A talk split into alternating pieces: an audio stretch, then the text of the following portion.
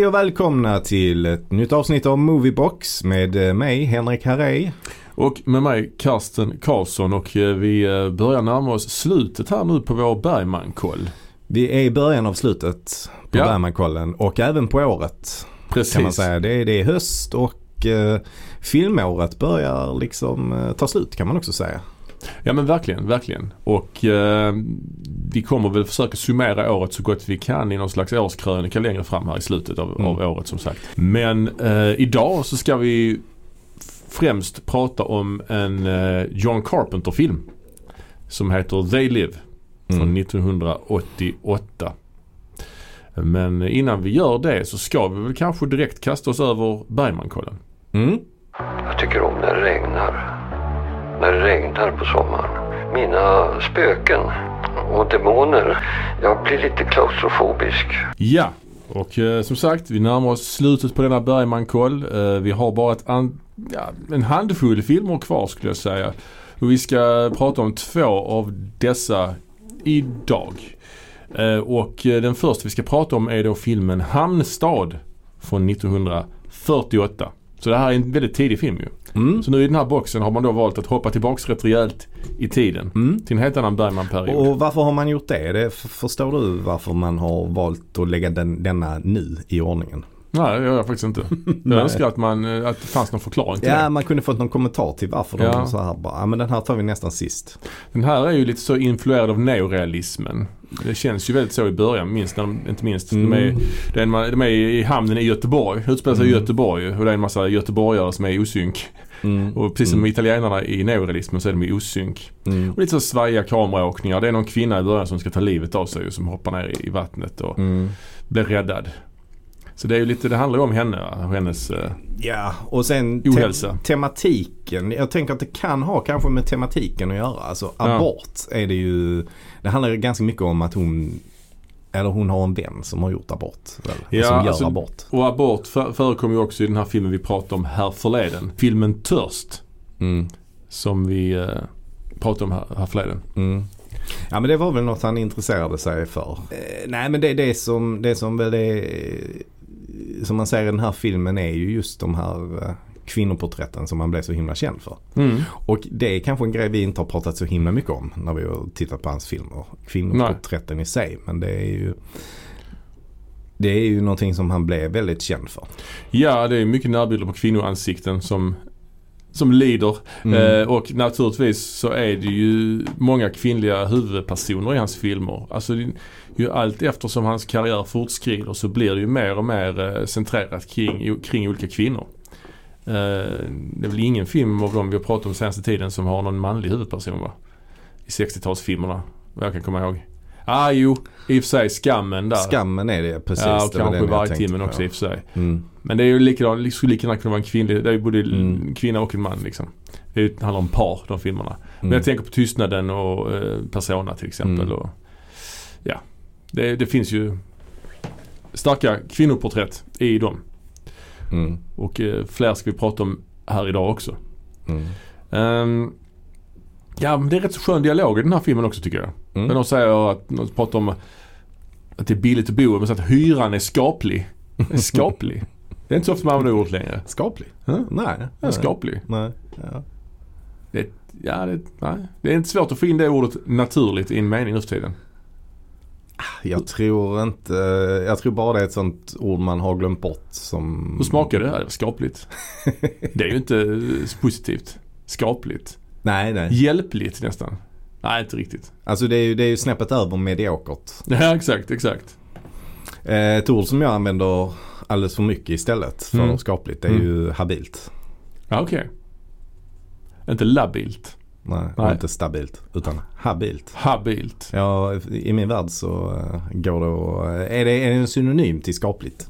Ja, habil. Att den är, Habil. Den är, det funkar liksom. Ja, ja. Okej. Mm.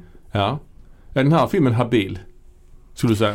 Eh, nej, jag skulle säga att den är medioker. Ja, den är medioker. Alltså, Medioker. Den, är, den var den svår. är snäppet under habil. Ja, verkligen. verkligen. Mm. Den här till, kommer inte tillhöra the top tier när vi sen summerar Bergmans Nej. filmografi i slutet av året. Den här eh, liksom placerar sig i nedre halvan. Det kommer den göra. Eh, för, min, för min del. Ja, vi kommer Mm. ju sammanställa våra listor till en och så har vi gjort ett slags intrikat poängsystem hur vi ska sen gradera filmerna. Så vi får en helt objektiv lista. Mm. Alltså objektiv, det vill säga vår gemensamma lista då. Mm. Där våra åsikter liksom sammanfogas på något sätt. Mm. Nej, hans Ja, det kommer ske genom matematiska formler Ja. i programmet Excel. Excel kommer vi Kommer använda. lösa detta. Och lite after effects kanske. Nej, det- Kanske. nej, jag tror nej, det Nej. lämnar vi därhän. Det det. Ehm, ja, alltså jag vet inte. Jag skulle inte, jag har inte så mycket mer att säga om den här filmen. Jag tycker, vi har en annan film vi ska prata om där jag har mycket mer att säga. Där det finns mycket mer att säga. Har du Mm. något mer om, om Halmstad här? Eh, nej, inte, inte mer än att eh, Alltså precis som du säger, neorealismen eh, Mm. och, och Alltså den känns ju ganska så här diskbänksrealistisk Mm. också. Alltså kitchen sink. eh, Så här. Det handlar om, det handlar om människor som inte befinner sig i, i toppen av samhället kan man säga. Ja, precis. Eh, till skillnad från många av hans andra filmer som ju ofta handlar om Ja. eh, lite mer välbeställda människor och sådär. I början var han lite mer arbetarklass i sin, Ja. sina skildringar. Mm. Mm. Ja det känns verkligen så. Ja. Så, så känns det. Sen, sen har, går han över till att mer och mer berätta historier om konstnärer Mm. eller läkare eller liksom Härskap liksom. översättare. Och, Balettdansöser. ja, eller Ja. de här i Jungfrukällan så är de ju, det är ju en tidig film men, Ja. men de är ju ändå välbeställda där. Ja. Mer eller mindre. Alltså för, att Ja, för att vara medeltid. ja men precis. Precis. Och den är inte så himla tidig. Alltså den är ändå väl 60, tidigt 60-tal va? Mm. Ja. Mm. Ja, men, 1960 till och med tror jag. ja Är det så? 1960 ja. Ja. Mm. Nej den är inte, nej den är väl någonstans i mitten kanske då. Får- Ja, ja precis. Han hade ju en oerhört lång karriär Mm. vilket vi har blivit uh, varse om här nu. Mm. Ja, det visste vi ju redan såklart. Men det är ju intressant att han har hållit på alltså sen 40-talet och gjort i stort sett en film om året. I alla fall fram till slutet av 60-talet. Mm. Och så är det ändå fortsatt liksom. Men, men det, det, här är det inte så många eh, skådisar heller som vi känner igen eh, som har liksom återkommit. Eh, Nej. det är Sif Rud som, eh, som är med. Eh, som har varit med i några fler tror jag. Ja, Siv Rud ja. Just det. Ja. Just, just det. Mm, precis. Eh, men det är väl bara hon egentligen tror jag. Erik Hell är också med i uh, någon annan film. Jag känner igen Mm. namnet just Hell. Ehm, Mm. han är också med i, han är också med i Riten. Mm. Så det är en senare film dock. Mm. Men ja. Och, eh, och sen är det ju en, alltså hon, det handlar ju då om den här eh, Berit som Ja. jobbar på fabriken. Och så det är ju ett ganska intressant porträtt på henne. Alltså den här filmen, jag, jag vill inte liksom bara kasta den helt och hållet eh, åt, ut i eh, Till vargarna. vargarna. Nej men, Nej. nej. men jag tycker inte den är, den är inte så, eh, så dålig som det kanske lät. Liksom. Nej, för, nej, att, för att den är ganska intressant så ändå. För att hon eller det som är intressant är att man får en ganska bra inblick i, i hur det kunde vara på den tiden. Mm. Eh, vilket kanske inte berättas om så mycket ändå. Alltså för att hon är ju i princip omyndigförklarad eh, kan man säga. Mm. För hon har då hamnat på något slags, eh, ja men eh, typ som ett ungdomsfängelse ju. Mm. Eh, Brostel. Ja. Vad heter det? Borstal heter Bor. Borstal. Ja, just det. Borstal. Ja, Mm. ja. HVB-hem eh, Ja, tror jag vi kallar ja. det för idag. Och kan, så begår hon ju då något, alltså hon har fått jobb nu på en fabrik liksom. Mm. Och så begår hon något misstag där då. Mm. Och så blir hon då av med jobbet. Ja. För att det kommer en sån riktigt störig socialarbetare. Arbetare Mm. som, eh, ja. Som, som liksom berättar det här för henne. För hon bor hemma hos en, sin mamma. Och mamman är ju riktigt obehaglig. Ja. Så att det är ändå många bra porträtt här. Både av den socialarbetaren och mamman och, eh, och den här eh, fabriksarbetaren Berit då. Mm. Ja. Jag tycker inte det här är dåligt men det är inte så givande heller om man jämför Mm. med andra. Om man nu ska, när vi sen ska ranka alla filmerna Mm. så kommer det inte hamna så högt i med detta för det är så mycket annat som är så mycket bättre.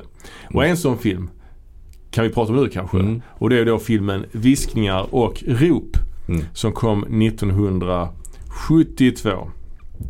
Och eh, det är ju en av hans mest hyllade filmer. Mm. Den eh, kom ju efter han hade haft en liten dipp kan man ju säga. Ja. Ja. Alltså han gjorde ju Riten 69 tror jag. Mm. Och sen gjorde han ju också tidigare, tidigt på 70-talet den här eh, beröringen. Och Mm. båda de två blev väl sisådär mottagna. Mm. Framförallt beröringen då ju. Ja men den här blev i alla fall internationellt väl mottagen och fick ju en massa Oscarsnomineringar. Mm. Eh, Den fick faktiskt hela fem Oscarsnomineringar. Ah, okej. Varav en bästa film. Och detta har vi pratat om förr men Mm. bästa film för en film som inte är på engelska är ju väldigt ovanligt. Mm, Framförallt på den här tiden när det bara var fem filmer som blev nominerade. Och det är ju väldigt sällan de vinner. Det har ju hänt att de har vunnit. Nej, en gång bara. Det var ju Parasite va? Det är bara den? Ja, det tror okej. Ja. Eller? Ja. Jo, det tror jag. Mm. Uh, Är inte den italienska? Nej. Nej. Vilken? Ja, den där eh, Livet är underbart. Nej, nej. fan. Nej, nej det den, var bara bästa utländska. Men den var nog nominerad som bästa. den vann bästa manliga huvudroll tror jag. Ja, så var det. Eh, ja. men, men detta år... även The Artist. Ja. Mm. Vad hände med honom sen? Men, det, han, men, han är bioaktuell nu i en film som heter November. men den filmen vann ju också bästa Jean film. Dujardin. Ja precis, men den The Artist vann ju också bästa film. Men Mm. den är ju en stumfilm så där är ju Mm. knappt någon dialog. Nej. Det är ju amerikansk dialog. John Goodman är med i den jag för mig. Mm. Eh, men i alla fall. Uh, det här året 1970, det var, det var Oscars-nominerad faktiskt något år senare på ett konstigt sätt. Den kom 72 men räknas till 73 när det gäller Oscars-nomineringarna. Så att den var Ja. nominerad samma år som filmer vi har pratat om. Detta har vi pratat om tidigare, exakt den här Oscarsgalan. för det är en riktigt legendarisk Oscarsgala. ja, det. Det är ju då, den som vann var ju The Sting. Ja. Och sen var det ju också American Graffiti och Exorcisten. Liksom, som var nominerade detta året. Så det är ju idel klassiker plus då en film som heter A Touch of Class. Som ingen kommer ihåg. Mm. Med just viskningar och rop då bland detta. Den var också nominerad för bästa regi, bästa originalmanus och bästa foto. Och den vann ju då för bästa foto. Sven Nykvist eh, vann Oscar här ju. Det, det var ju en färgfilm och det är ju inte så vanligt bland Bergman. Vi har ju bara pratat om typ någon, två färgfilmer tidigare tror jag. Mm. Men här var det ju Filmen var ju baserad lite grann på en dröm Bergman hade haft. Han hade sett några kvinnor stå i ett rött rum. Ett rum med Mm. röda väggar och så. Mm. Så han ville ha färgen rött med. Väldigt, väldigt, väldigt viktigt liksom. Och då fick Sven Nykvist liksom Mm. testa för att få till den här röda färgen så att Mm. det blandades med hudfärgerna och Mm. sånt. Så det var ett eh, gediget arbete från Mm. Nykvists sida. Mm, ja, jag hörde någon intervju med Bergman där han säger att han, eh, han kom från ett eh, svårt uppbrott sa han. Ja. Och eh, då kan man ju spekulera lite vad det var för slags uppbrott där då. då. Mm. Var det Liv Ullmann eller? Nej. Kan det varit ja. Ja, kanske. Eh, så att han hade då gjort slut med, eller de hade separerat. Så han var ensam i sitt hus där på, på Fårö. Just det. Bara med den här gamla taxen som han hade. Just det. Eh, och eh, ja men han var ju, eh, han, det var en tuff period. Han var, han var liksom ledsen över det. Var det inte också så att det- Deprimerad. Var det inte också så att det kom en grannfru och lagade mat till honom? Så var det. Det är fan eh, old school. Alltså han, att han inte kunde ens laga mat. Alltså. Ja det är sjukt. Ja, lite så. Eh, Men har du, eh, på tal om det, sett den här dokumentären som finns på SVT? Bergmans hushållerska tror jag den heter. Eh, oklart. Jag kommer inte ihåg om jag har sett den. Nej, för den, den, den, alltså den är ganska ny tror jag. Ja, jag känner igen den. Jag, har, Ja. jag kan ha sett den för länge sedan. Men, Mm. Eller så, inte Mm. länge sedan. Men jag, Nej, jag kan ha sett den. För den är inte så gammal tror jag inte. Nej. Men, eh, det är ju intressant. Alltså, han, ja, men han hade ju så himla mycket konstiga grejer för sig. Bland annat att han inte, han, han, var, han hade så känslig hud. Så Mhm. han kunde ju bara ha ullkläder på sig. Eh, alltså kashmir liksom. Kashmirull. Så han fick ju ha sådana specialbeställda strumpor då i kashmir. Mm. Som hon var tvungen att åka in till Stockholm för att köpa till honom. Och Oj. massa sånt. Ja. Hmm. Otroligt. Ja, verkligen. Musiken är ju, eh, ja, det är ju musik av Bach och Chopin. Men den framförs ju av hans före detta fru Cabby Latteray. Ja, precis. Så det var ju för dem Med reservation för det uttalet. grym, kraftig sådan. Men hon var väl estländsk va? Kanske. Ja. Ja. Hon Hade... Har man ä i estländska alfabetet? jag tror det. Det är lite finskt över det. Käbi. Käbi heter hon väl? Käbi Larretei. Ja. Eller Larette. Ja skitsamma men det var hans före detta fru. För de har ju barn också. Han Daniel Bergman är väl deras gemensamma barn Är det tror så? jag. Ja. Så det var länge sedan de var gifta här. Men han var ändå med i samarbete här liksom. Så det är ju Mm. trevligt ju. Mm. Ehm, och färgen rött återkommer väldigt mycket i den här filmen. Mm. Det är ju mycket fade till rött i den här filmen. Ja det är det. Det är ju inte alls vanligt. Nej, och sen så i, tillsammans med de här fadesen när han eh, gör olika scenbyten kan det vara. Eller Ja. eh, nu kommer den, markera att nu kommer en ny akt kanske. Eller något Just det. Ja men då har han ibland lite eh, voice-over. Och det är han Också. själv som gör Det är han själv som gör voice-over Ja. där. Det har han ju gjort vid några andra tillfällen också. Mm, det har han. Ehm, Och det är, eh, jag vet inte vad jag tycker om det riktigt. nej, jag tycker, jag tycker det inte passar så bra in faktiskt. Nej, jag tycker inte om voice-overn heller i den här Nej. filmen. Nej. Jag tycker inte det. Jag, gl- jag glider ur fiktionen Mm. lite grann. Mm. Jag, kan, jag har inget, jag har, jag har, jag har absolut inget emot voice-over generellt liksom. Jag gillar voice-overs generellt. Alltså om det funkar. Funkar det så funkar det. Liksom, Ja, ja tycker jag. såklart. Eh, Men jag kan ha svårt för det när det blir för mycket. Det här är inte Mm. för mycket. Men det sticker ut som fan i den här filmen. Det blir Mm. liksom något annat. mm, Det känns som att det blir lite, lite saga mm, över det hela. mm. Och det är det ju inte. Eller det är det kanske, lite grann i och för sig. Ja, nej, men det är inte så drömskt. Eh, han har, alltså det är väl kanske också sättet han levererar det på. Det är ju Mm. ingen, eh, Han är ju ingen skådis. Liksom. nej det är han inte. Är han inte. Eh, filmen förresten måste jag säga, den blev stor internationellt och den, Mm. vet du vem som distribuerade den i USA? Nej. Det var Roger Corman. Ah, okej. Så det är kul ju. Ja. Han jobbar ju Ja. sen med Dino De Laurentiis också så han har jobbat med Mm. några sådana här Mm. intressanta herrar. Eh, men ja precis. Det, men den här filmen är ju i mångt och mycket skulle jag också säga en estetisk föregångare till eh, Fanny Alexander. Mm. Alltså rent, eh, det är som period piece med eh, Mm. stora klänningar och starka Mm. färger liksom. Mm. Verkligen. Fast Absolut. betydligt mindre i skalan ju. Mm. Det är ju bara fyra karaktärer. Ja det är några fler men fyra viktiga karaktärer liksom. Eh, nej, jag minns när jag såg den här första gången. Det Ja. gjorde verkligen ett starkt intryck på mig när jag såg den eh, första gången. verkligen. Och det, jag tror det är mycket det estetiska i den som, eh, som, som gjorde det här intrycket eh, Ja. också. jag tror det just det visuella. Utan det visuella så har den här filmen kanske inte lika mycket. Men nu har den ju det. Verkligen. Och nej, jag, jag blev väldigt, väldigt berörd av den. Så det är många bra starka scener som verkligen, eh, verkligen sticker ut. eh. Alltså det handlar ju om, eh, vi kan ju säga att det utspelar Mm. sig i slutet, eh, eller utspelar sig på 1800-talet. I, i någon, eh, på en herrgård och det är tre systrar. Mm. Eh, varav en är döende Mm. i cancer. Och en är norsk. Just det. ja så är det ju. Det, det, vi pratar, jag jag, bara väntar på att du ska... ja, jag, jag hade detta bland mina anteckningar. Att det här, jag har skrivit här Liv Ullman sly- syndromet. ja. Det är ju det. Liksom tre systrar en är norsk. Hur har detta gått till och så vidare. Hur förklarar man detta i... eh, Ja. Nej, jag tror aldrig det förklaras va, i fiktionen. Hon men, pratar ju svenska. ja, gör- Men hon har ju en kraftig accent. Mm, Och det är, mm. undrar, Mm. vill man förklaring att kanske Mm. de, familjen bodde i Norge när hon föddes kanske. Eller Ja. Alltså vi får väl hitta på lite sådana förklaringar själva. Jobbigt Hon, göra. hon blev bortskickad eh, till, eh, Mm. för vi, om, vi, om vi leker med tanken att hon är den yngsta systern. Liksom. Mm.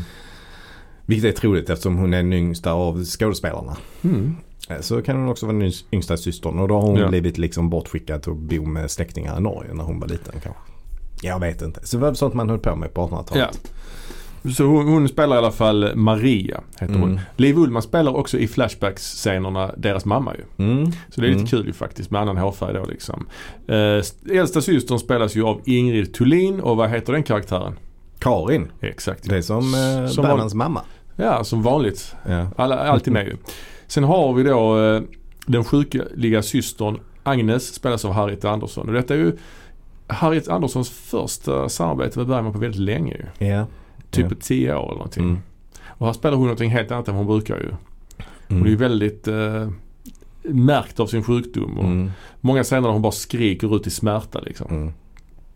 Och sen hos de här tre systrarna finns ju också hushållerskan Anna som spelas av Kari Sylvan. Ja, och det är en, eh, en, en ny, ny bekantskap. Ja, hon har inte gjort så mycket. Nej. Eh, hon är med lite grann i någon annan Bergman-film tror jag, men inte mycket liksom. Och, eh, men eh, som sagt, det är en väldigt eh, stark film just de här sjukdomssekvenserna där hon skriker och just också spelet mellan systrarna där Ingrid Thulins syster är ju väldigt så här kantig, hård. Mm. Liv Ullmans mer känslofylld liksom. Ja. Och så då Harriet som är döende. Och då den här hushållerskan som också berättar att hon har förlorat sitt barn ju. Mm. Så hon tar ju hand då om Harriet som om det vore hennes barn. Hon ger henne typ bröstet och sådana Mm. grejer. Precis. Ehm, Eh, och, och, och sen har vi också några manliga skådespelare med här också. Ja, vi har ju Eh, Erland såklart. Erland har vi med. Och han spelar en läkare som tar hand om eh, Agnes vid behov då. som har lite en fling med Liv Ullmans karaktär va? De har haft det tidigare. De har haft det tidigare, så är det Mm. just det. Så att där är ju en väldigt stark dialog mellan dem. Mm. När, eh, jag tror det är väl så att Liv gör lite, raggar lite Mhm. på Erland Josefsson. Ja. Eh, när han ändå är där på besök. Eh, men han avvisar ju henne på ett eh, ganska elakt sätt kan Mm. man säga. Mm. Där han bara börjar prata om hur, eh, hur hon har åldrats. Just det. Liksom, genom att han liksom för henne till en spegel. Ja just det. Och på. så tit- tittar hon sig själv, alltså de tittar på henne i spegeln. Liksom, så- Men hans obehagliga så här Ja, det- neutrala det är röst. så otroligt obehagligt. Ja, det är Ja. obehaglig alltså. Ja, fan. Alltså han är väldigt så saklig. Så bara, ja. Här ser vi den här linjen från, från ditt öra till din hakspets. Den ja. har suddats ut lite. Och så pratar, Alltså- han pratar så snabbt hela tiden. Mm. Det har suttit ut nu. Mm. Du, du är sliten. Mm. Du ser fel ut. Mm. alltså, han, här- han, är, han är obehaglig. Den här rynkan i din panna, den kommer från lättjan. Ja. Den Ja, men precis. Såna- såna Ja, saker. Ja, sådana saker. Ja, fy fan. Eh, Men hon svarar ändå rätt bra där att han bara liksom ser sig själv i hennes ansikte. Och att det är Mm. för att de är så lika som, eh, Mm. som han kan se allt, allt detta. Just det. Ja. Hon säger så, ser du allt detta i mitt ansikte? Ja det syns inte så tydligt nu. Men jag känner det när jag, när jag rör vid dig. Eller säger. Ja, det är hårt alltså. Ja. Ja, det är ju liksom en intressant struktur på filmen just att det är flashbacks också. Mm. Det finns ju en flashback-struktur. Dels till när de var barn, man får se mamman. Mm. Inga Gill gör en liten roll också där, visar någon slags Laterna Magica. Mm. Någon slags Mm. mm. Moster Agda eller vad fan hon heter. Mm. Hon har en sån, någon sån, ja Olga, Olga, ah, Aunt, eh, Moster Olga. Inga Gill som du vet eh, Mm. spelar ju med i uh, Varuhuset ju. Ja det är din Ja. favoritserie. Väl? Eller Ja, en av dem. En av dem. Hon är också med i Sjunde inseglet. En liten, Ja. liten mindre Mm. film. Den här filmen är ju ett perfekt exempel på en feel bad film. Kan man säga det? Mm. Detta är en film man inte blir glad av att se. Nej. Man mår Nej. dåligt av det. Mm. Det är ju en eh, intressant flashback också med Ingrid Thulins karaktär när hon krossar ett glas, Mm. ett vinglas. Behåller en glasskärva. Mm. För att sen skära sig själv i underlivet. Mm. För att sen, som om inte det vore nog, Mm. ta blod från sitt underliv och smeta i sitt ansikte. Mm. Vad, vad, är, vad är det?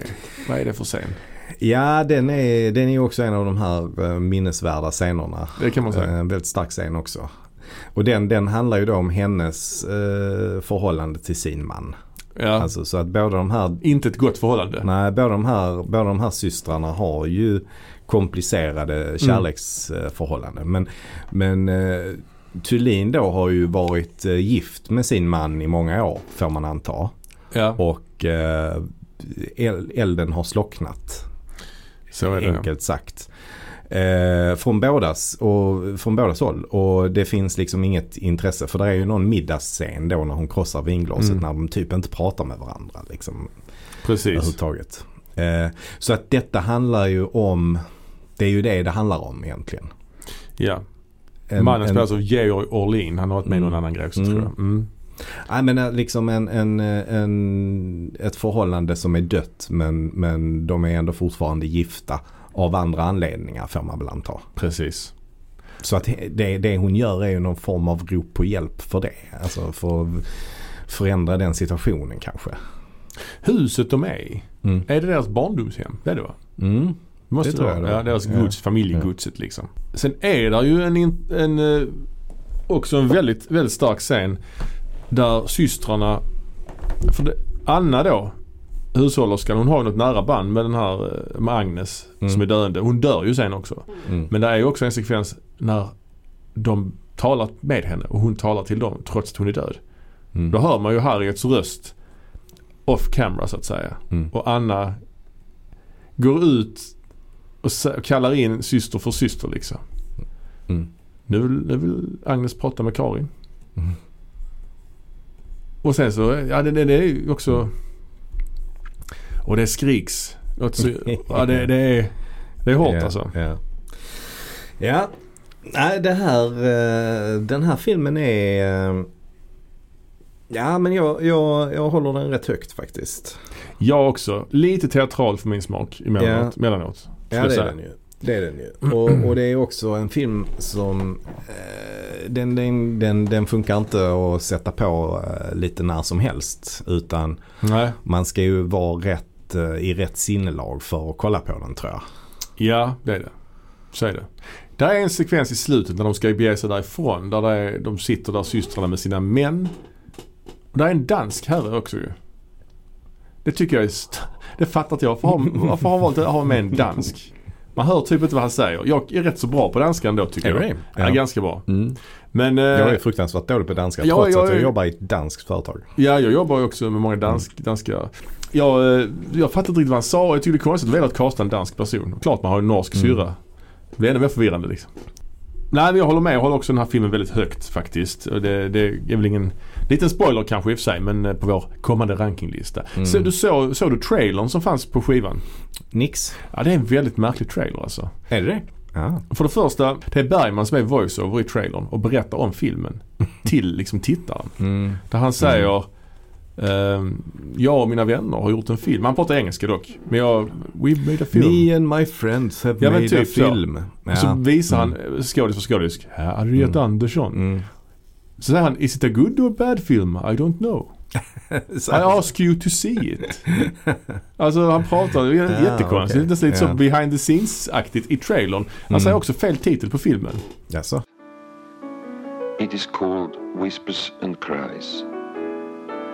If you ask me whether it is a good or a bad film, I don't know. All I know is that it is a film dear to my heart. That is why I asked you to see it. I want you to like it. Den heter ju Cries and Whispers. Ja. Och han säger Whispers and Cries. Vilket egentligen är en korrekt översättning. Ja. Ja. Men det är ju väldigt eh, svagt. Ja, det är märkligt. Ja. Ja, men det, det känns ju ofta som att den här typen av filmer när de, alltså för det, man kanske inte gjorde trailers till svenska filmer. Det var kanske ett fenomen som bara fanns i USA då, Ja, kanske. på den tiden. Jag vet inte. Nej, det Men det. känns som att när då amerikanerna skulle eh, lansera en film Mm. så de, ja, vi måste ha en trailer, du får spela in någonting.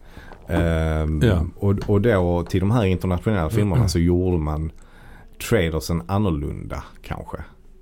Det måste Ja. vara så. Ja, men det är lite Hitchcock att vara med så i trailern och Ja, prata om att jag har Ja. gjort en film, jag och Mm. mina vänner. Men jag tror det var mycket så det såldes in också i USA. Det måste det ha varit ju. Ja, ja, ja. Eh, att det var en Bergman-film. Mm. Ganska kort film det här. Alltså det är Mm. så här 90 minuter. Mm. Perfekt. Mm. Det är föredömligt. Ja, det är det faktiskt. Ja, nej men eh, kul. Mm. Nästa avsnitt så har vi väl... eh, då avslutar vi väl typ Bergman-kollen. Ja. Och I då stort blir, det, sett. då blir det en kavalkad av Ja. Bergman-filmer. Eller vi avslutar inte det helt för vi kommer ha i sista avsnittet på året så kommer vi ha vår topplista också ju. Ja, Ska vi gå vidare? det gör vi. Yes. Jag tycker om när det regnar. När det regnar på sommaren. Mina spöken och demoner. Jag blir lite klaustrofobisk.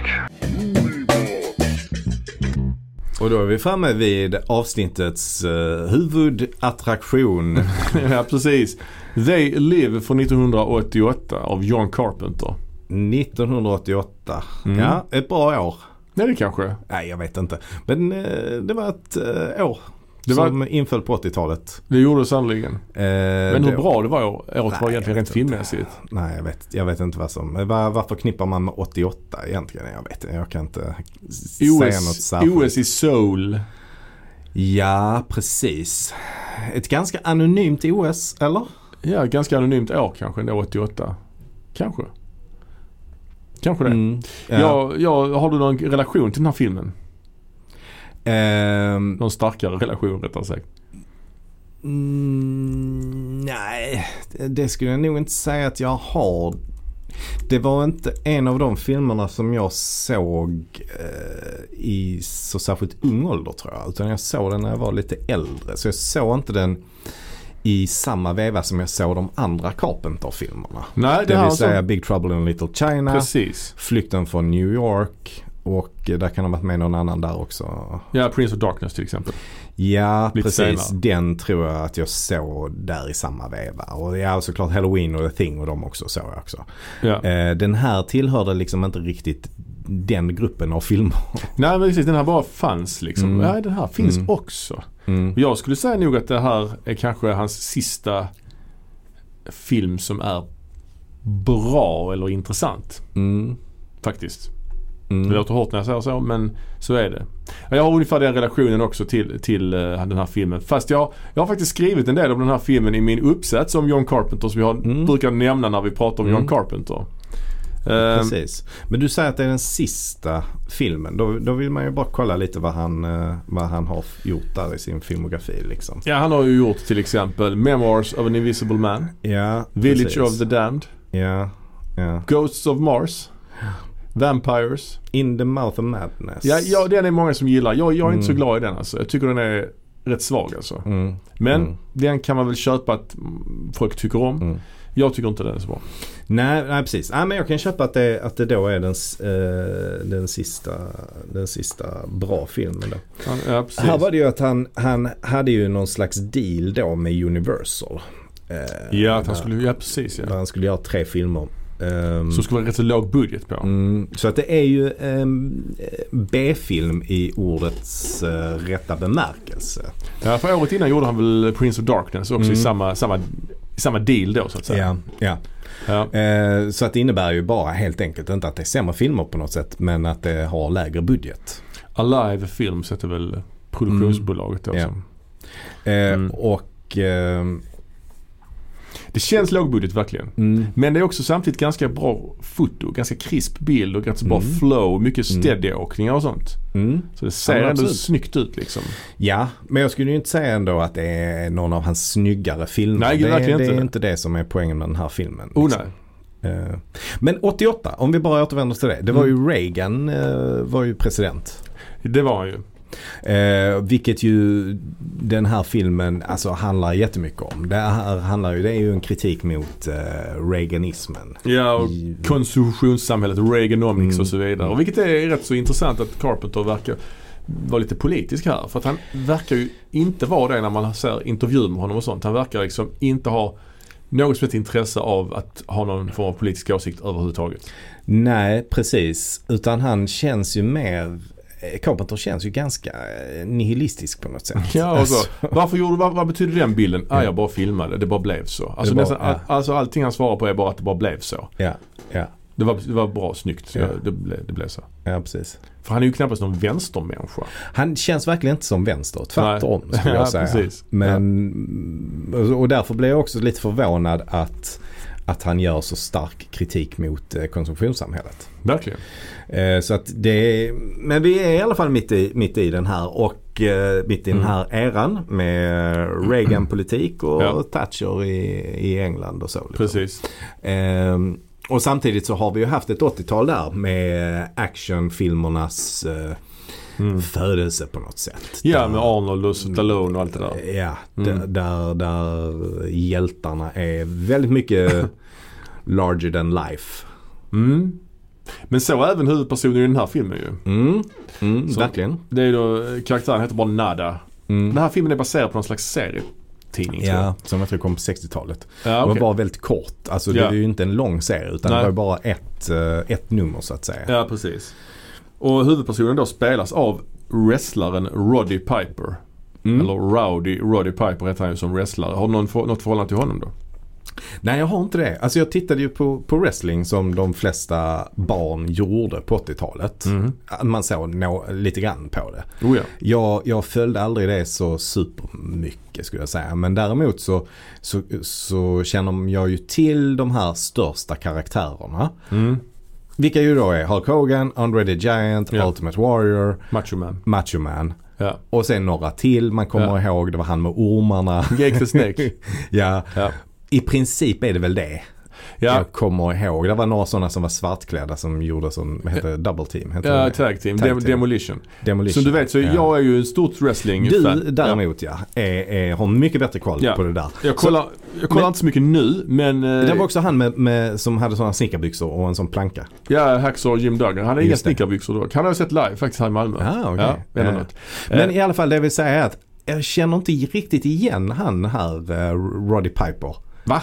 I, eller vad hade, jo han hade Kilt va? Han hade Kilt Han ja. hade Kilt. Han var ju, Ah, okej. ja, Mm. han Men ju, han kändes ändå inte som att han var på den nivån som Hulk Hogan och de här andra var. Ja, fast han var ändå det. Alltså, han var ju Mm. den stora bad guyen. Alltså tidigt 80-tal. Ja. För eh, han var ju, alltså när wrestling blev som, det blev ju jättestort på 80-talet. Det här, man pratar om the rock and wrestling connection och MTV och de Mm. mergade liksom. De hade till och med en tecknad serie med Hulk Hogan och Mm.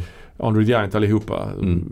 Men Piper var liksom huvudbadguyen till Hogan. Du vet, kör till WrestleMania, den Mm. stora Mm. galan varje år, eller Mm. stora eventet. Och Piper han uh, headlinar ju WrestleMania 1 mot Hogan. Mm. Eh, en ta- tag team match mellan eh, Hogan och kändisen Mr T Mm. mot Piper och eh, Mr Wonderful Paul Orndorff. Mm. Eh, så att Men han, för när du säger att han är den stora bad guyen, för mig är ju det Andre the Giant.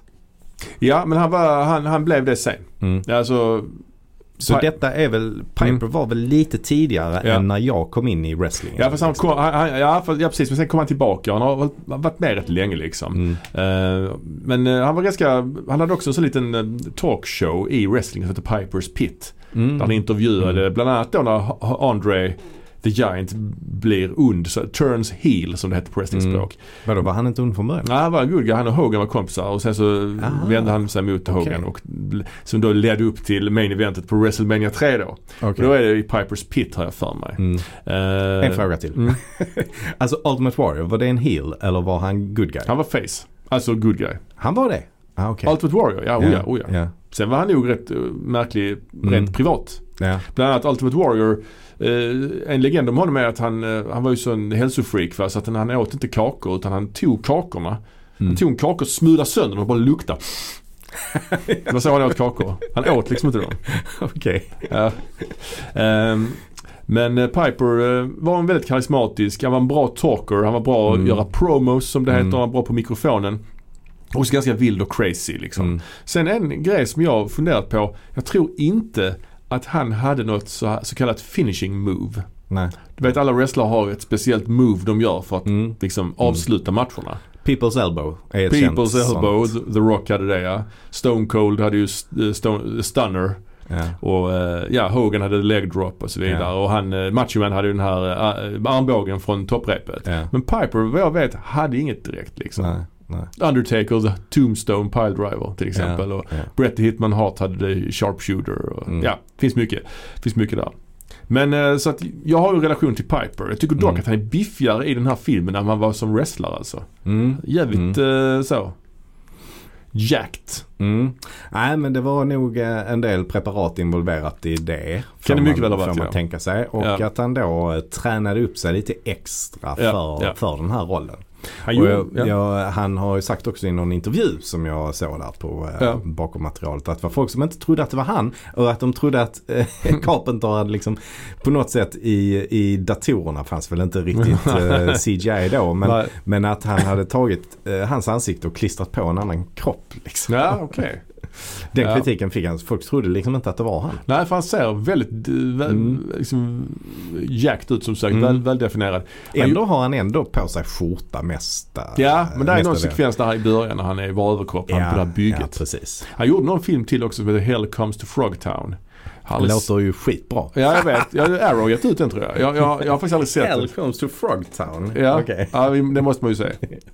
Ehm, men eh, precis, den här filmen har ju ett ganska, ganska segt tempo i början alltså.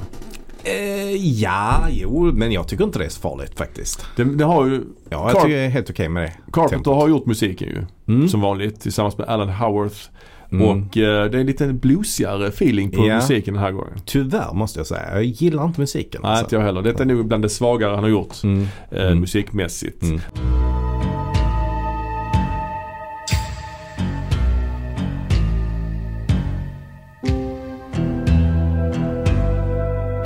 Men det är mycket att han kommer, kommer till LA och går omkring. Mm. Mycket, mycket han går omkring på gatorna. Ja så, Lite Midnight Cowboy-aktigt. ja, men så är det ju. Ja. Liksom. Om vi då går in på handlingen lite så, Mm. så inleds ju filmen med att han hoppar av ett tåg. Och, och, så, och så liksom bara promenerar han genom stan. Mm. Eh, och eh, han går väl in och på någon sån här arbetsförmedling av något slag först och anmäler sig och frågar om det finns några jobb. Liksom. Ja. Men, eh, men han får inga jobb. Ja, det är Reaganomics va? Exakt. Ja. Så där har vi ju direkt eh, kritiken eh, Mm. mot, mot Reagan. Ehm, trots att han då säger att men jag har mina egna verktyg och så Ja. berättar han om sin bakgrund. Han har väl varit byggare eller något sånt där. Jag får, också, jag får också lite så Rambo-feeling. Alltså det inleds ju som. First Blood. Ja men det här är Ja. en klassisk. och sånt, liksom. Ja men det är en sån klassisk. Det är också, det är också en ganska mycket westernfilms inledning tycker jag. En sån eh, Mm. ensam hjälte som, som bara kommer ridandes Ja, in det, i en stad. Ja, eh, tycker jag. Eh, så i alla fall så eh, hittar han ett eh, bygge då och så pratar han med någon chef där. Och så förklarar han då, ja men kan jag, kan jag jobba lite? Jag har mina egna verktyg så jag kan bara sätta igång och jobba. Och då säger han, nej men vi, vi det liksom är unionen som, the union. Ja just facket, det, facket liksom. ja. Mm. Och, och där är det så, det, den bilden reagerar jag så starkt på liksom. Mhm. För då bara när han säger det, nej men det, det här, den här arbetsplatsen är knuten till facket. Mm. Och så bara är det en inklippsbild på ett gäng mexikaner liksom, som rätt tjocka, som bara står så och bara skrattar uh, i, en- i en grupp. Så det är ju också en jävla kritik mot liksom att uh, uh, facken i USA. Mm. Samtidigt som det är en kritik också mot, Ja, det mot. Reagan. Det är det som är så märkligt. Ja han är verkligen all over the place i sin kritik. Carpenter. Ja men för den, den bilden är ju helt, det är helt sjuk liksom. Alltså han porträtterar liksom det, det liksom organiserade USA. Eh, Mm. som att det styrs av ett sånt gäng bara. Det finns ju också den nidbilden då om mexikaner att de, Oh, är, ja. att de är lata liksom. Ja, ja. Eh, Låta oss svartarbetare liksom. ja, ja precis. Ja, precis. Ja, men han får jobb på en byggnad, byggarbetsplats till slut ju. Ja det får han. Ja. Och där träffar han ju eh, Keith Davids karaktär då. Ja. Keith David känner vi igen från The Thing till exempel. ja, fantastisk Ja, ja. skådis. Jag gillar honom jättemycket. Ja men särskilt i den här filmen. Ja, okej. Alltså ja. han är ju underbar. Ja, Jag älskar honom. ja, jag tycker han är svinbra. Men det, det märkliga är att han, han, eh, han gjorde ju ingenting mellan, alltså från The Thing var en av hans första filmer som han Mm. fick göra. Sen gjorde han typ ingenting förrän, eh, eh, han gjorde någon film innan denna. Mhm. Men alltså han gjorde ingenting på fyra år. Ja, okej. för The Thing kom 82 tror jag Ja. och den här kom 88. Ja precis. Eh, vi ska se bara snabbt här vad han, vad han gjorde för något. Filmografi. Han gjorde Pl- Plutonen efter The Thing. Just det, han är Och med den, den ja. och den kom 86. Där är han också riktigt bra. Mm. Eh, men det är ändå märkligt att han inte fick några, alltså för att eh, The Thing var ju hans genombrott. Liksom. Ja, ja verkligen. Och att han inte då får några jobb på fyra år där, det är, det är ju... Men han kanske gjorde TV eller teater, vem vet? Jättemärkligt. Ja det, det gjorde han ju men, eh, men han ville ju jobba i film. Med, med Ja, film. okej. Ja, ja. Mm. Men ja, han fick ingen jobb. Men sen efter det har han ju varit eh, liksom eh, jobbat konstant. Han är känd från bland annat Roadhouse är han med. Ja, och han är också med i Den där Mary. There's something about Mary, spelar Där pappan. gör han också en så där är jävla bra, bra. prestation. Honom. Han har inte gjort så mycket ändå. Alltså jag hade gärna Nej. sett honom i, i fler grejer. Liksom. Han borde Men, gjort mer. Han borde vara med i en Tarantino-film. Ja. Det Definitivt. Om han inte redan är det. Kanske han är. Nej, det tror Nej, jag tror inte att han är det. Men, eh, Han skulle kunna vara med i den här Once Upon a Time in Hollywood i någon sån eh, sekvens där. mm, men Requiem for a Dream är han ju också med. Där, Just där är han det. riktigt jävla Det obehaglig. här är svinäckliga. Ja, Usch, Han är ja. svinäcklig. där. Fy fan. Eh, Ja. Mm, Men det som gör att den här filmen, eh, ja, kommer igång på riktigt. mm, Det är ju då att Nada då hittar ett par solbrillor. mm. Och när han tar på sig de solbrillorna då ser han världen som den egentligen är. Ja. Det, det här är ju verkligen en sån, ja men det, det är ju en, um, en klockren s- så metafor på något sätt. Ja och liksom en, verkligen en, en tydlig, tydligt, eh, tydligt, eh, tydlig hisspitch. Han hittar ett par glasögon, tar på sig dem och ser världen hur den egentligen är. Och hur är den egentligen? Han ser den i svartvitt för det första. Mm. Det är intressant bara det. Men han ser ju också alla dolda budskap som finns i till exempel reklam, eh, Mm. billboards Mm. och i tidningar. Och, så att när han tittar på en reklamskylt med de här glasögonen så står det egentligen bara ordet consume Mm. eller obey. Mm. Obey är ju för övrigt som du vet ett klädmärke av den här konstnären Shepard Fairey. Mm. Eh, och eh, apropå Andre the Giant som vi pratade om innan. Mm. Han är ju känd för den här Andre the Giant eh, bilden Andre the Giant has a. Ja, det. Eh, och eh, han har ju då eh, ett klädmärke där eh, där Andre the Giants, han har gjort en sån stiliserad bild med Andre the Giants huvud och så står det Obey under liksom. Jag har en sån tröja eller två. Ja. Och det har ju tagit ifrån eh, den här filmen. Mm. Eh, just Ja, det just det. uttrycket. Så att det, den, har ju, den här filmen har ju då liksom fått ett legacy i just det att det, det är ju härifrån det kommer. Mm. Ehm, det var han också som gjorde den här Obama Hope. Ja, okej. Samma konstnär ju. Ja, okej. Fast här är då Audrey Giant Obey. Så det är, Ja. mm, så det är kul ju. Ja, det är, det är roligt. Det är roligt när, det, när, när eh, en film fortsätter att leva ett annat liv i en annan eh, konstform är kanske att ta i och så kalla det för. Men, Ja, men- ett annat medium. Liksom. Men den här filmen är liksom inte en av Carpenters mest kända filmer. Men när man Nej. tänker efter så har den ju liksom betytt mycket ändå för, Mm. för andra, andra delar i, i eh, populärkulturen. Så den har ändå något. Den här Mm. filmen också som Mm. är lite unikt. Och det är rätt snyggt tycker jag när han tar på sig glasögon. Det ser bra ut tycker Mm. jag. Faktiskt. Ja, ja men det gör det. Det, gör det. Det är också kul. ser coolt ut. Nå- Det, det är ju även andra saker han ser. Han ser till exempel sådana här drönare som övervakar människorna. Ja just det. Eh, som inte syns annars. Så han ser lite olika sådana eh, radargrejer som är Precis. på lyktstolpar och sånt. Ja just det, som är på Mm. trafikljusen. Ja, ja. Och sen också sedlar som folk har står det bara eh, This is your God. Ja, exakt. Vita Ja. sedlar med bara svart text. Det är väldigt så stilrent liksom. Och sen framförallt så ser han ju någonting mer. Ja, det är ju vissa människor då som inte ser ut som människor Mm. utan de ser ut som någon slags aliens. Någon Mm. slags dödskallar med ådror på och grejer liksom. Så det är intressant. Det som börjar då i en eh, väldigt så här eh, eh, pol- politisk eh, kommentar Mm. eh, eller satir och, och som verkligen visar så här de, ut, de utslagna Ja. i, i samhället. För, för det, är ju, det är ju också så att han, han har ju ingenstans att bo då när han kommer till den här storstaden. Utan han får ju bo på något slags härberge eller ute i, no- inte ens det utan Ja. de bor i något eh, tältläger ju. Ja men precis. Eh, Och där sitter ju folk också och tittar på TV hela tiden. Mm. Som om de var hjärntvättade liksom. Mm. Och det, det mynnar ut i att det här blir helt plötsligt science fiction ju. Ja nu blir det det. Eh, Men det som är intressant är att det får, ingenting förklaras ju i den här eh, filmen. Alltså tekniken så. För, för i, inom science fiction så ska det ju egentligen helst förklaras lite grann Ja, teknologi. lite mer i alla fall ja. Mm. Ja, ja, lite mer. Alltså så att man delar väl upp science fiction i soft sci-fi och hard sci-fi. Ja, Eh, detta li- lite mer soft kanske. Detta är, blir mer soft sci-fi där. Men där finns lite, det kommer lite i slutet också. Men man etablerar Mm. ju också att det finns någon form av motståndsrörelse. Mm. Eh, som lite The Matrix. Lite Mm. föregångare till The Matrix här Mm, ju. Att de, det det. eh, de Ja. avbryter den här sändningen Mm. som folk sitter och tittar på. Folk sitter bara och tittar på de här reklamfilmerna. Så bara Ja. kommer, det är rätt roliga reklamfilmer också de, Mm. har, de har gjort till Mm. den här filmen liksom. Mm. Och då kommer det in en gubbe som börjar prata om att det här är fe- allting är lögn och så vidare. Det, är- det är Mm. fan intressant. Ja det är det. Det är bra. Det är bra. Men- Och, och av en slump så, så sänder de de här eh, meddelanden precis i eh, en kyrka som ligger i anslutning till det här tältlägret där han bor. Men Just det. Det, det är ju Det är convenient som fan convenient. Men, men eh, det är intressant också, han ser ju när han står vid någon sån här tidningskiosk eh, Ja. och ser alla tidningarna är helt så vita med svart Mm. text. Så ser han en som står och läser en tidning och det är någon sån här alien. Mm.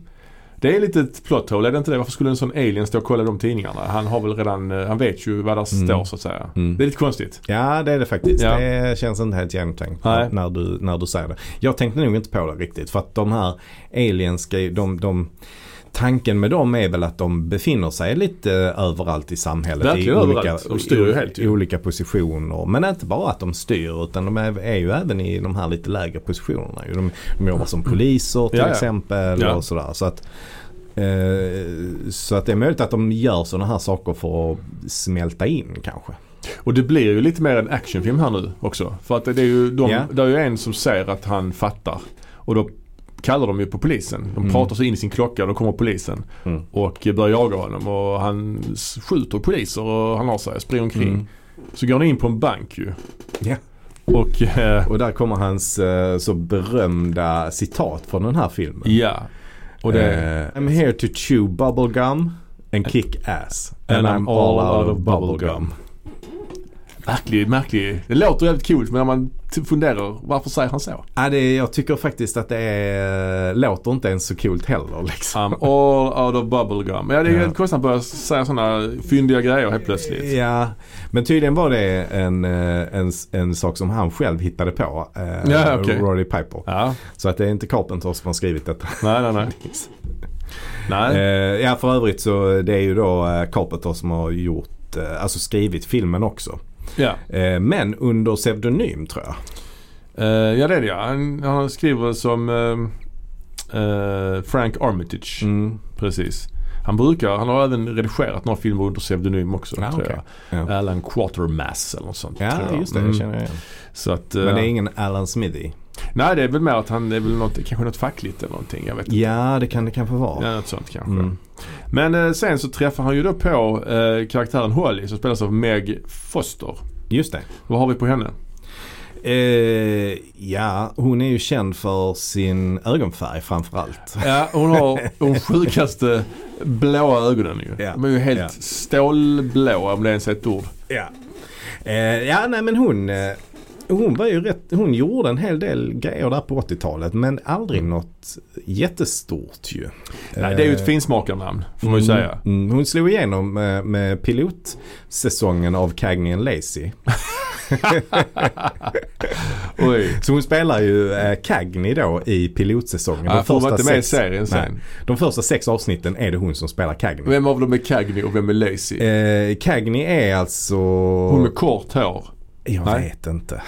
Ingen Hon spelade Cagney i alla fall. Lacey är väl blond eller? Ja, Lore- Loretta Sweet spelade ju... Eh, nej, hon, hon tackade nej ja. Ja, för, för att det är Tyne, Tyne Daly. Ja. Hon spelade den ena av dem. Ja. Eh, hon spelade alltså... Fan det här är... Nu måste jag kolla här för att Cagney Lacey har jag inte sett på 40 år. Eh, 30 år i alla fall. Hon spelar alltså Lacey. Tyne Daly, det är den korthåriga. Det var hon Cagney i så fall. Le- Tyne Daly är också med i en Dirty Harry-film. När Dirty, Dirty Harry ska få en kvinnlig partner. Den filmen. Ah, The. Enforcer. Ja, En ja, av de sämre ja. Dirty Harry-filmerna. Kommer vi återkomma till säkert Mm. Skitsamma. Hon började Cagney och Lacey men hon fick inte rollen. Hon var bara med i piloten. Ja, eller så var det väl kanske mer att hon hoppade av sen. Antar jag. Ja okej. Så att hon gjorde ju första, första, de första. Eller nej, det står så First cancelled season står det. Aha. Vad fan menas med det? Jaha, då blev den cancellad. Hon är med i en Nico Mastorakis film också, den här The Wind. Mm. Som kanske är eh, det bästa jag har sett henne i tror jag. Ja, hon är för sig med i Osterman Weekend också. Ja, Alltså. Osman Weekend, just Ja. det. Den måste jag se om. Så Den har jag inte sett på. på, år då. Och inte att förglömma, He-Man då Exakt, såklart. ja. När hon Monsters. spelar Evil Lynn. hon är också med i Leviathan, den här undervattensfilmen. Så vi måste göra ett avsnitt. Ja. Det kommer längre fram.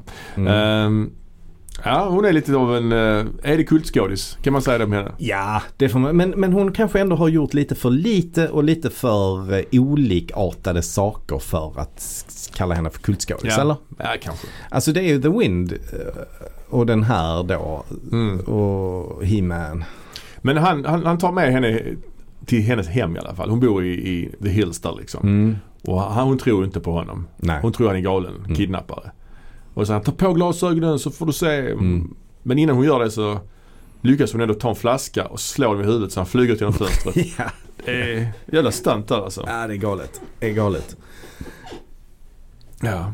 Ja, ehm, och sen kommer vi väl eh, nu ganska snart här till eh, filmens eh, huvud money scene. Alltså du tänker på filmhistoriens längsta alley fight. Ja, exakt.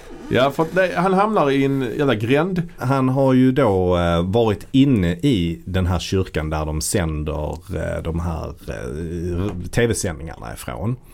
Och tjuvlyssnat där lite. Och då har han bland annat hittat en låda med solbrillor. Ja. Men han vet inte riktigt vad de här sol- Han har inte kommit på vad det är än. Men Nej. han tar med sig den lådan. Och så gömmer han den i en, eh, i en eh, soptunna i en gränd. Ja, och sen när han då återvänder för att hämta den här lådan Ja. så ser han att sopbilen har tömt eh, soporna. Ja, Och den sopbilen är på väg att sticka därifrån. precis. Så då hinner han kasta sig upp på sopbilen och rafsa runt där Mm. eh, och eh, hittar till slut lådan. Men då har han ju öppnat, eh, öppnat upp sopbilen. När, när sopbilen sen ska köra därifrån så trillar ju alla soporna ut. Ja fast liksom. de öppnar, de, de, Ja, de, de, lyfter ju på den där. Som om de skulle tömma det på en soptipp. Men det gör de Ja. inte. Det tycker jag är lite konstigt. ja men tanken är väl att det ska vara stängt där egentligen. Ja, men där är inte. öppet så därför åker det ut. Ja. Men då kommer ju Keith och David dit. Ja. Och eh, det blir ett slagsmål dem emellan. Ja, Keith David, alltså eh, Piper vill ju eh, visa, vill ju att han ska prova solbrillorna. Ja. Men Keith David, han, han vägrar verkligen ta på sig de här solbrillorna. Ja, han tror han är mördare. Han poli- skjutit poliser och sånt Ja, ju. Så han, är ju, han är ju skeptiskt inställd till hans eh, eh, välbefinnande, Mm, hans mentala tillstånd liksom. Ja, precis. Och de börjar slåss Ja, väldigt länge. ja. Eh, och det här är ju en, eh, en av filmhistoriens allra bästa fighter ju. Ja, kanske det. det, är det väl. Ja, jag tycker den jag, när jag såg den första gången, Mm. då tyckte den var så extremt lång. Mm. Nu tyckte jag ändå, jag hade ändå rätt kul liksom. Ja, jag tycker inte den är så himla lång. Är den ju inte. Ja, men tar, man tror att den är slut och så bara fortsätter den. Den ena Mm. ligger ner och så går den andra därifrån. Och då kommer han och hoppar på honom bakifrån och så fortsätter de. Ja. Han gör något wrestlingkast också där ju. Ja, Det är ändå ja. trevligt. Och han gör också en clothesline lite tidigare i filmen. Ja, ja, ja. clotheslinar en polis. Ja, det är så, så bra. det, det är kul. Nej men tydligen så, äh, Carpenter var ju rätt så, eh, han var rätt intresserad av wrestling Ja, Den här, under den här perioden. Så Absolut. han hade varit på någon WrestleMania och då, eh, var där han hade träffat Roddy Piper och Ja, blivit vän med honom. Och sen så fick han den rollen då. Så, så ähm, eh, Carpenter ville ju att han skulle involvera lite wrestling eh, Mm. i, eh, i slagsmålsscenerna. Piper hade ju en podcast eh, för några år sedan där han Jaså? intervjuade, där Carpenter var gäst. Carpenter och hans fru då, Sandy Ja. King va? Coolt. Där han intervjuade Carpenter och vi tackade honom för att han fick göra den här Mm. filmen. så. Mm. Han gick ju tyvärr bort för några år sedan, Piper. Ja, och Piper lyckades ju aldrig heller göra Alltså han, det är väl ingen annan film direkt han har gjort som har kommit upp i samma nivå som den här filmen. Nej det är väl uh, Hell for, Comes to Frogtown. Ja, det, är det är inte lika den kultförklarad, det är den inte. Nej, nej. Men, eh, Nej, ja, men, men i alla fall den här slagsmålsscenen, det är inte bara det att den fortsätter väldigt, under, pågår under väldigt lång tid. nej. Det är ju också det att de, alltså de, den är så annorlunda mot hur man är van vid att se slagsmål på tv. Eller Ja. i film. Ja det är väldigt uh, smutsigt. Det är liksom inte välkoreograferat. Utan, Nej. Alltså på det sättet. Alltså, det är det är nog ändå rätt Jo, men det är välkoreograferat. inga så stylish moves. Nej. Utan det är lite mer eh, liksom... De rullar runt Ja, väldigt exakt. mycket. Ja. Alltså det känns både som att det är mer realistiskt men det är ändå inte realistiskt heller. Att ett, slagsmål, ett riktigt slagsmål skulle se ut på det sättet. Det, det gör det ju inte. Men, men, men det, det, det är väldigt långt från ett James Bond-slagsmål där han Verkligen. eh, liksom eh, slår någon med typ ett sånt karateslag på nacken och så Ja, somnar de och, och sover i en timme. Så att det här är ju, det här är ju något annat va? Men sen till slut så får han ju på de brillorna och Mm. han ser hur det Mm. ser ut. Och ja, de hamnar ju sen med den här motståndsrörelsen och joinar dem. Mm. Och eh, då berättar ju de här lite mer, ger lite mer info kring de här aliensarna till, till eh, Piper och Keith David. Bland annat att de ändrar klimatet ju. Ah, Att de ändrar klimatet på planeten. jag nog just det. Och det är också väldigt så aktuellt än idag. Ja, Klimatförändringar naturligtvis. Ehm, och de blir uppgraderade också ju. De får slipper de här solbrillorna och får istället kontaktlinser. Mhm. Som Mm. funkar likadant. Det är också så, varför gjorde de så? Bara för att det var Mm. jobbigt att ha solbrillor sen när de ska spela in på kvällsscenerna eller? Ja det är, lite, det är ju lite synd på något sätt för när de har de här solbrillorna på sig, de ser ju rätt roliga ut när de har dem. Liksom. Ja men det är rätt coola Det, brillor. det, ja absolut. Mm. Det är helt, helt klart bra brillor som skulle fungera även idag ur ett modeperspektiv. Absolut. Men sen blir det väldigt actionorienterat. Det blir ju shootouts här liksom. Mycket Ja. så enhandsfattning med maskingevär och så vidare. Mm. Mm. Så att, eh, Ja men det har, det har pågått under hela filmen egentligen. mm, Han har ju en hagel, äh, hagelsprakare. eh, hagelbrakare heter En brakare, inte en sprakare. Brakare. Ja. Han har, ju, han har ju en hagelbrakare liksom Ja. när han är inne på banken eh, tidigare. Mm, mm. Som man också skjuter med en hand. Och, Ja, ja det är mycket sånt. Men under den här eh, skjutarscenen så öppnas någon slags portal i marken. Ja. De aliensen använder någon form av apparat som öppnar det. Mm. Och då hoppar de ner i den. Eh, våra vänner hoppar ner där va. Mm. Och hamnar då på alienbasen. Mm. Och så hamnar de på någon slags bankett. Eller en stor middag. Där det är massa sådana människor i smoking. Ja det är ju liksom aliens och människor, eliten liksom. Ja. Som då pratar om prognoser, framtida prognoser. De pratar om Mm. år 2025 bland annat. Hur Mm. allting kommer att se ut då. Och, Mm. Ehm, ja, det är ball. och där är ju bland annat en man som... eh, Nu är vi inne på riktigt sådana här konspirationsteorier. ja ja verkligen. att, det liksom, att det finns ett secret society ja, och de kan heta en massa olika saker. Ja. Vissa tror att det är frimurare och sen Illuminati. Illuminati. Mm. Eller att det är de här, eh, vad heter den gruppen som det pratas om? Det här Ja, Bilderberggruppen. Bilderberggruppen Ja, ja. Mm. eh, och så vidare. För en, en karaktär som kommer fram till dem Mm. ju, Som är en sån här uteliggare i början av filmen Mm. men som nu är så här ett finklädd liksom. Mm. Och börjar prata om eh, att eh, liksom, nu finns det inga, snart inga länder längre utan nu är det Mm. de som kommer att styra planeten. Mm. Och där tänker jag naturligtvis på dagens värld med alla techföretag som är Mm. mäktigare än, än länder. Mm. Ja, jag tycker det Ja, finns något där alltså. Ja, ja men det, det, det finns det. Absolut. Och sen är det väl att de ska de kommer, de tar sig in i själva basen, infiltrerar. Folk tror att de är med på aliensens sida nu för de är Mm. där liksom. Men de infiltrerar det, de hittar någon slags rum där de har någon slags Star Trek eh, beam, stråle. De kan stråla Mm. till planeten, deras hemplanet. Ehm, och de tar fram någon apparat som ser ut som den är direkt hämtad ifrån Ghostbusters. Den här de, när de, vet, när de Mm. scannar. Mm. Ehm, Och så dyker ju Meg Foster upp där. ja. Eh, och eh, de, eh, ja, men de, de hjälps åt. Hon ska ju visa dem var. För att deras uppdrag med att infiltrera här det är att de ska förstöra den här eh, antennen som de sänder ifrån. Just det. För lyckas de med det, ja då, då kommer ju alla att att se aliensen för vad de är. Och de kommer att se reklamen för vad reklamen är och så Ja. vidare. De ska, ja, Eh, så därför ska de förstöra den här antennen. så illusionen kommer att brytas för Ja. vanligt folk liksom. Eh, och här är det ju lite så liksom, ja, men är, är det verkligen bara en enda antenn som behöver förstöras liksom? Om man ska titta på det med kritiska ögon, ja det hade, de hade kanske haft en backup-antenn också Ja. tror jag. Men hur som helst så det räcker det att de ska förstöra den. Och eh, de, eh, ja men de, de skjuter sig eh, liksom upp Ja. till högsta våningen och eh, precis då när de ska gå upp i taket där antennen är Ja. eh, så springer Roddy upp i förväg Ja. och då får vi ju se att Meg Fosters karaktär hon är ond. Ja, hon skjuter Kit Hon David. bara skjuter Kit David eh, så bara i huvudet. Och hon gjorde det tidigare då. Om, Eh, ja, ja. ja, det var det. Ja, nej hon väntar till sista stund och så gör hon det där. Ja.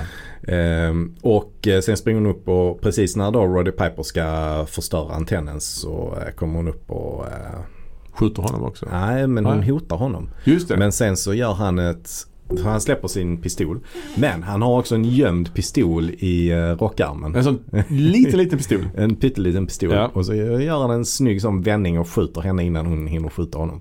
Just det. Så det är, det är snyggt. Och sen skjuter han sönder parabolen men han blir också skjuten. Det kommer massa helikoptrar ja, det kommer en massa helikoptrar Ja, grejer. Så han offrar sig där för Mm. att spränga. Och när han spränger parabolen då bryts illusionen Mm. och alla aliens blir synliga. Alla reklambilder blir det här, Mm. de här textskyltarna bara. Mm. Och det är en jävligt märklig sista scen ju. Mm. Där är ett par som har sex. Och Mm. han killen då eh, blir en alien helt plötsligt. Eller hon Ja. säger att han är en Ja. alien. Och så bara slutar filmen där. I den scenen. Ja, det är ett par sådana eh, klipp liksom. Ja, där, ja. där är någon, eh, någon alien som står inne i någon bar och så vidare och så helt plötsligt så ser alla att han är en alien och så vidare. Ja men Så precis. att det är ett par olika sådana inklipp liksom. Men eh, den sista scenen är ju att eh, Roddy Piper ligger så och, och bara räcker finger mot den här helikoptern. Ja, just det, just det, just det. Ja. Ja, jag tycker man har rätt roligt när man ser den här Ja, filmen. det har man ju verkligen. Ja. Alltså, jag såg den ju tillsammans med min eh, sambo som Mm. inte vanligtvis uppskattar den här typen av filmer. Mm. Eh, särskilt inte sci-fi. Hon kan inte se sci-fi överhuvudtaget. Det är rätt så lätt sci-fi här ju. Här är det lätt sci-fi men, Ja. men när, när det kommer till den här typen av filmer som, ja men den har väldigt mycket, den har ganska kul dialog. Eller så, Mm. den är, den är ju, ja, men, Glimten i ögat. det är glimten i ögat och det är Ja. ganska mycket så här Fuck you. så, alltså, det är ganska, Mm. ganska enkelt Oh ja. på något sätt. Ja. Ehm, men, men, eh, men budskapet är ju aktuellt. Liksom. Ja, ja. Och- Men hon gillade filmen. Ja hon gillar filmen Ja, faktiskt. Till, Mm. till min stora förvåning så Mm. eh, gick det bra. Ja, det gick bra denna gången. ja. Ja, Eh, Ja men verkligen. Den är, okej det är lite on the nose naturligtvis. De sitter och tittar Mm. på TV och alla är helt så hjärntvättade av TV-apparater Mm. liksom. mm, Men ändå. Alltså det är ju så superrelevant idag ju. Ja, verkligen. Tänk alla mobiler liksom. verkligen. Alltså är det remake-läge på denna? Ja. Denna filmen har fan kunnat bli en re, göra en rem. Gör. Den här ja, filmen men hade det kunnat... är för on the nose tror jag. För att det skulle kunna bli en remake, eller? Ja kanske. Är det inte det? För det, det är ju det är ju så himla det är ju så himla lätt att se hur förtrollade barn är av TikTok och YouTube och sånt. Ja jag vet. liksom. Ja, det är svårt att göra Där man, därför, inte bara barn heller, men Nej, nej, nej. människor bara sitter så monotont och bara drar, ja. drar så med fingret. Nästa video, nästa Obey, video. consume, Exakt. reproduce. Ja. Eh, men jag tror, jag tror det är svårt att göra en remake på det för att det Ja. är för on the nose. Ja man får väl kanske hitta något Idag. annat då eh, Mm. i det liksom. Mm. Men ja, det kanske, man kanske borde visa den oftare ja. och eh, be folk diskutera Mm. Mm. Ehm, Verkligen. Jag tycker det. är- Jag tycker det, som sagt det är, den är väldigt enkel i all sin actionfilmsestetik. Mm. Men sen har den, den har ju de här attributen. Brillorna, den här estetiken på skyltarna. Aliensen ser rätt cool ut tycker jag också Mm. faktiskt. Mm. Uh, framförallt i det här svartvita filtret Mm. liksom. Mm. Eh, Ja, de ser speciella ut. De, de ser ju ut lite som, eh, som dödskallar typ. ja, fast med Eh, hår och lite så ådror och grejer på. Ja, precis. Mm. Insjunkna ögon ju och så har de, ja. Ehm, ja, och den har ehm, som sagt en, en riktigt fet action slagsmålsscen. Ja, verkligen. Som är värd att se bara den, Mm. eh, tycker jag. Verkligen. Och sen är, är det ju liksom Roddy Piper. Han är ju inte det här stora namnet som eh, många andra Carpenter-filmer har. Jag Nej, nej. leker ju med tanken på hur här, den här filmen hade mottagits om det hade varit Kurt Russell istället. Ja men precis. Ja, det är ju inte en, en, en roll som är, det är inte så mycket att göra där i den rollen. Alltså Nej det, det men jag tänker att Kurt Russell hade kunnat göra lite mer med rollen kanske. Ja, ja men det kanske är en tråkig roll. Han kanske inte vill Mm. göra den. Liksom. Jag tror faktiskt det var så att, eh, för att han, jag vet inte hur många filmer de gjorde ihop men det var fyra, fem stycken kanske Ja. eh, Mm. på 80-talet. Ja, och 90-tal. Ja, de gjorde Ja. två, eller, eller Escape from LA kom väl på 90-talet. Men ja, Ja. precis. Ja. Ja. The Thing, Big Men- Trouble, Escape, ja, och eh, den här Elvis. Elvis. Ja. Ja, precis. Så att jag, jag, jag hörde att eh, Carpenter ville inte eh, göra mer med Kurt Russell för han kände att nej, Okej. men vi har redan gjort så mycket. Ja, sant. Så han ville, göra, ville ha någon annan. Men, Mm. men det, det hade kunnat vara någon annan eh, någon annan actionskådespelare i eh, samma liga som eh, Roddy Piper. För jag tycker inte Roddy Piper är, jag tycker inte han är jättedålig liksom. Men jag tycker inte heller han är, att han är jättebra. Nej, det är han ju inte. Han har ju inte det här eh, känsloregistret. Nej, nej. Men, eh, men samtidigt levererar han sina repliker helt, på ett helt okej sätt. Mm. Alltså han är ju egentligen på många sätt bättre än Arnold till exempel. När det gäller att leverera vissa repliker. Det låter ju ändå mer naturligt. Det gör det, men, men Arnold, det är väl en viss charm som, som Arnold har. Jo, jo, som, klart. Absolut. Som jag tycker ändå Roddy Piper saknar lite grann. För jag tycker den som, den som tar över i skådespeleriet, den Mm. som är magneten här, det är Keith David. Keith David, absolut. Alltså han, när han är med så det, det är ju han man, eh, man tittar på hela tiden. Och Absolut. det, är- det är han som drar alla blickar till sig. Så han, Verkligen. han äger ju de scenerna han är med i tycker jag. Verkligen. Ehm, Absolut. Mm. Så att ja, jag hade faktiskt, jag tycker att det är ändå, även om det är kul att det är Roddy Piper på, på lite olika sätt. Men Mm. eftersom jag då inte är någon sån wrestling aficionado så ger den dimensionen ger mig ingenting. Nej, jag Alltså, förstår det. Ja, för mig är det ju något speciellt Mm. på något sätt. Va? Det är inte så många filmer som har en så känd wrestler i huvudrollen. Om vi bortser från The Rock naturligtvis. Mm. Ehm, så att det, det tycker jag är kul. Sen tycker jag det är, det är sällan också som jag är ju däremot lite mer intresserad av MMA och UFC och sånt. Ja, just det. Och där finns ju några sådana UFC-fighters som eh, har gått över till att göra filmer. Mm. Men det är också sällan det blir, blir så bra. Ja, så är det. Alltså där var, det fanns ju en, en eh, UFC-mästare som heter då George St. Pierre. Mhm. Som har gjort, men det har varit mindre roller. eh, Han är med i någon Marvel-film tror jag. Som slåss mot eh, Captain America. Ja, just det. Batrock där. Mm, precis. Ja, Winter Eh, Soldier-filmen. ja. Inte, inte så jättebra direkt tycker jag. Okej. Alltså.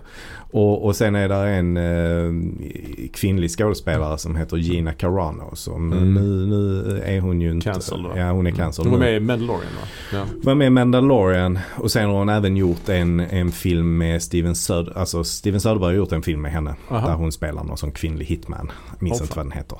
Ehm, men alltså, ja, hon Nej. levererar liksom inte på, på skådespeleriet tycker jag inte. Och jag tycker inte hon är bra i Mandalorian heller direkt. Alltså, En annan wrestler jag glömde bort är ju Batista. Eller Dave Bautista. Han är ju rätt stor också ju. Men Mm. han har ju, ja, han har en del huvudroller också naturligtvis. vadå glömde bort? Jaha okej. Nej men jag sa Ja, The Rock var stor men Bautista är ju också, Ja, Bautista är ju... Ja.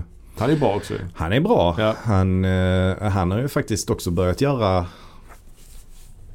lite filmer som man kanske inte så direkt förknippar honom med, med att han skulle göra.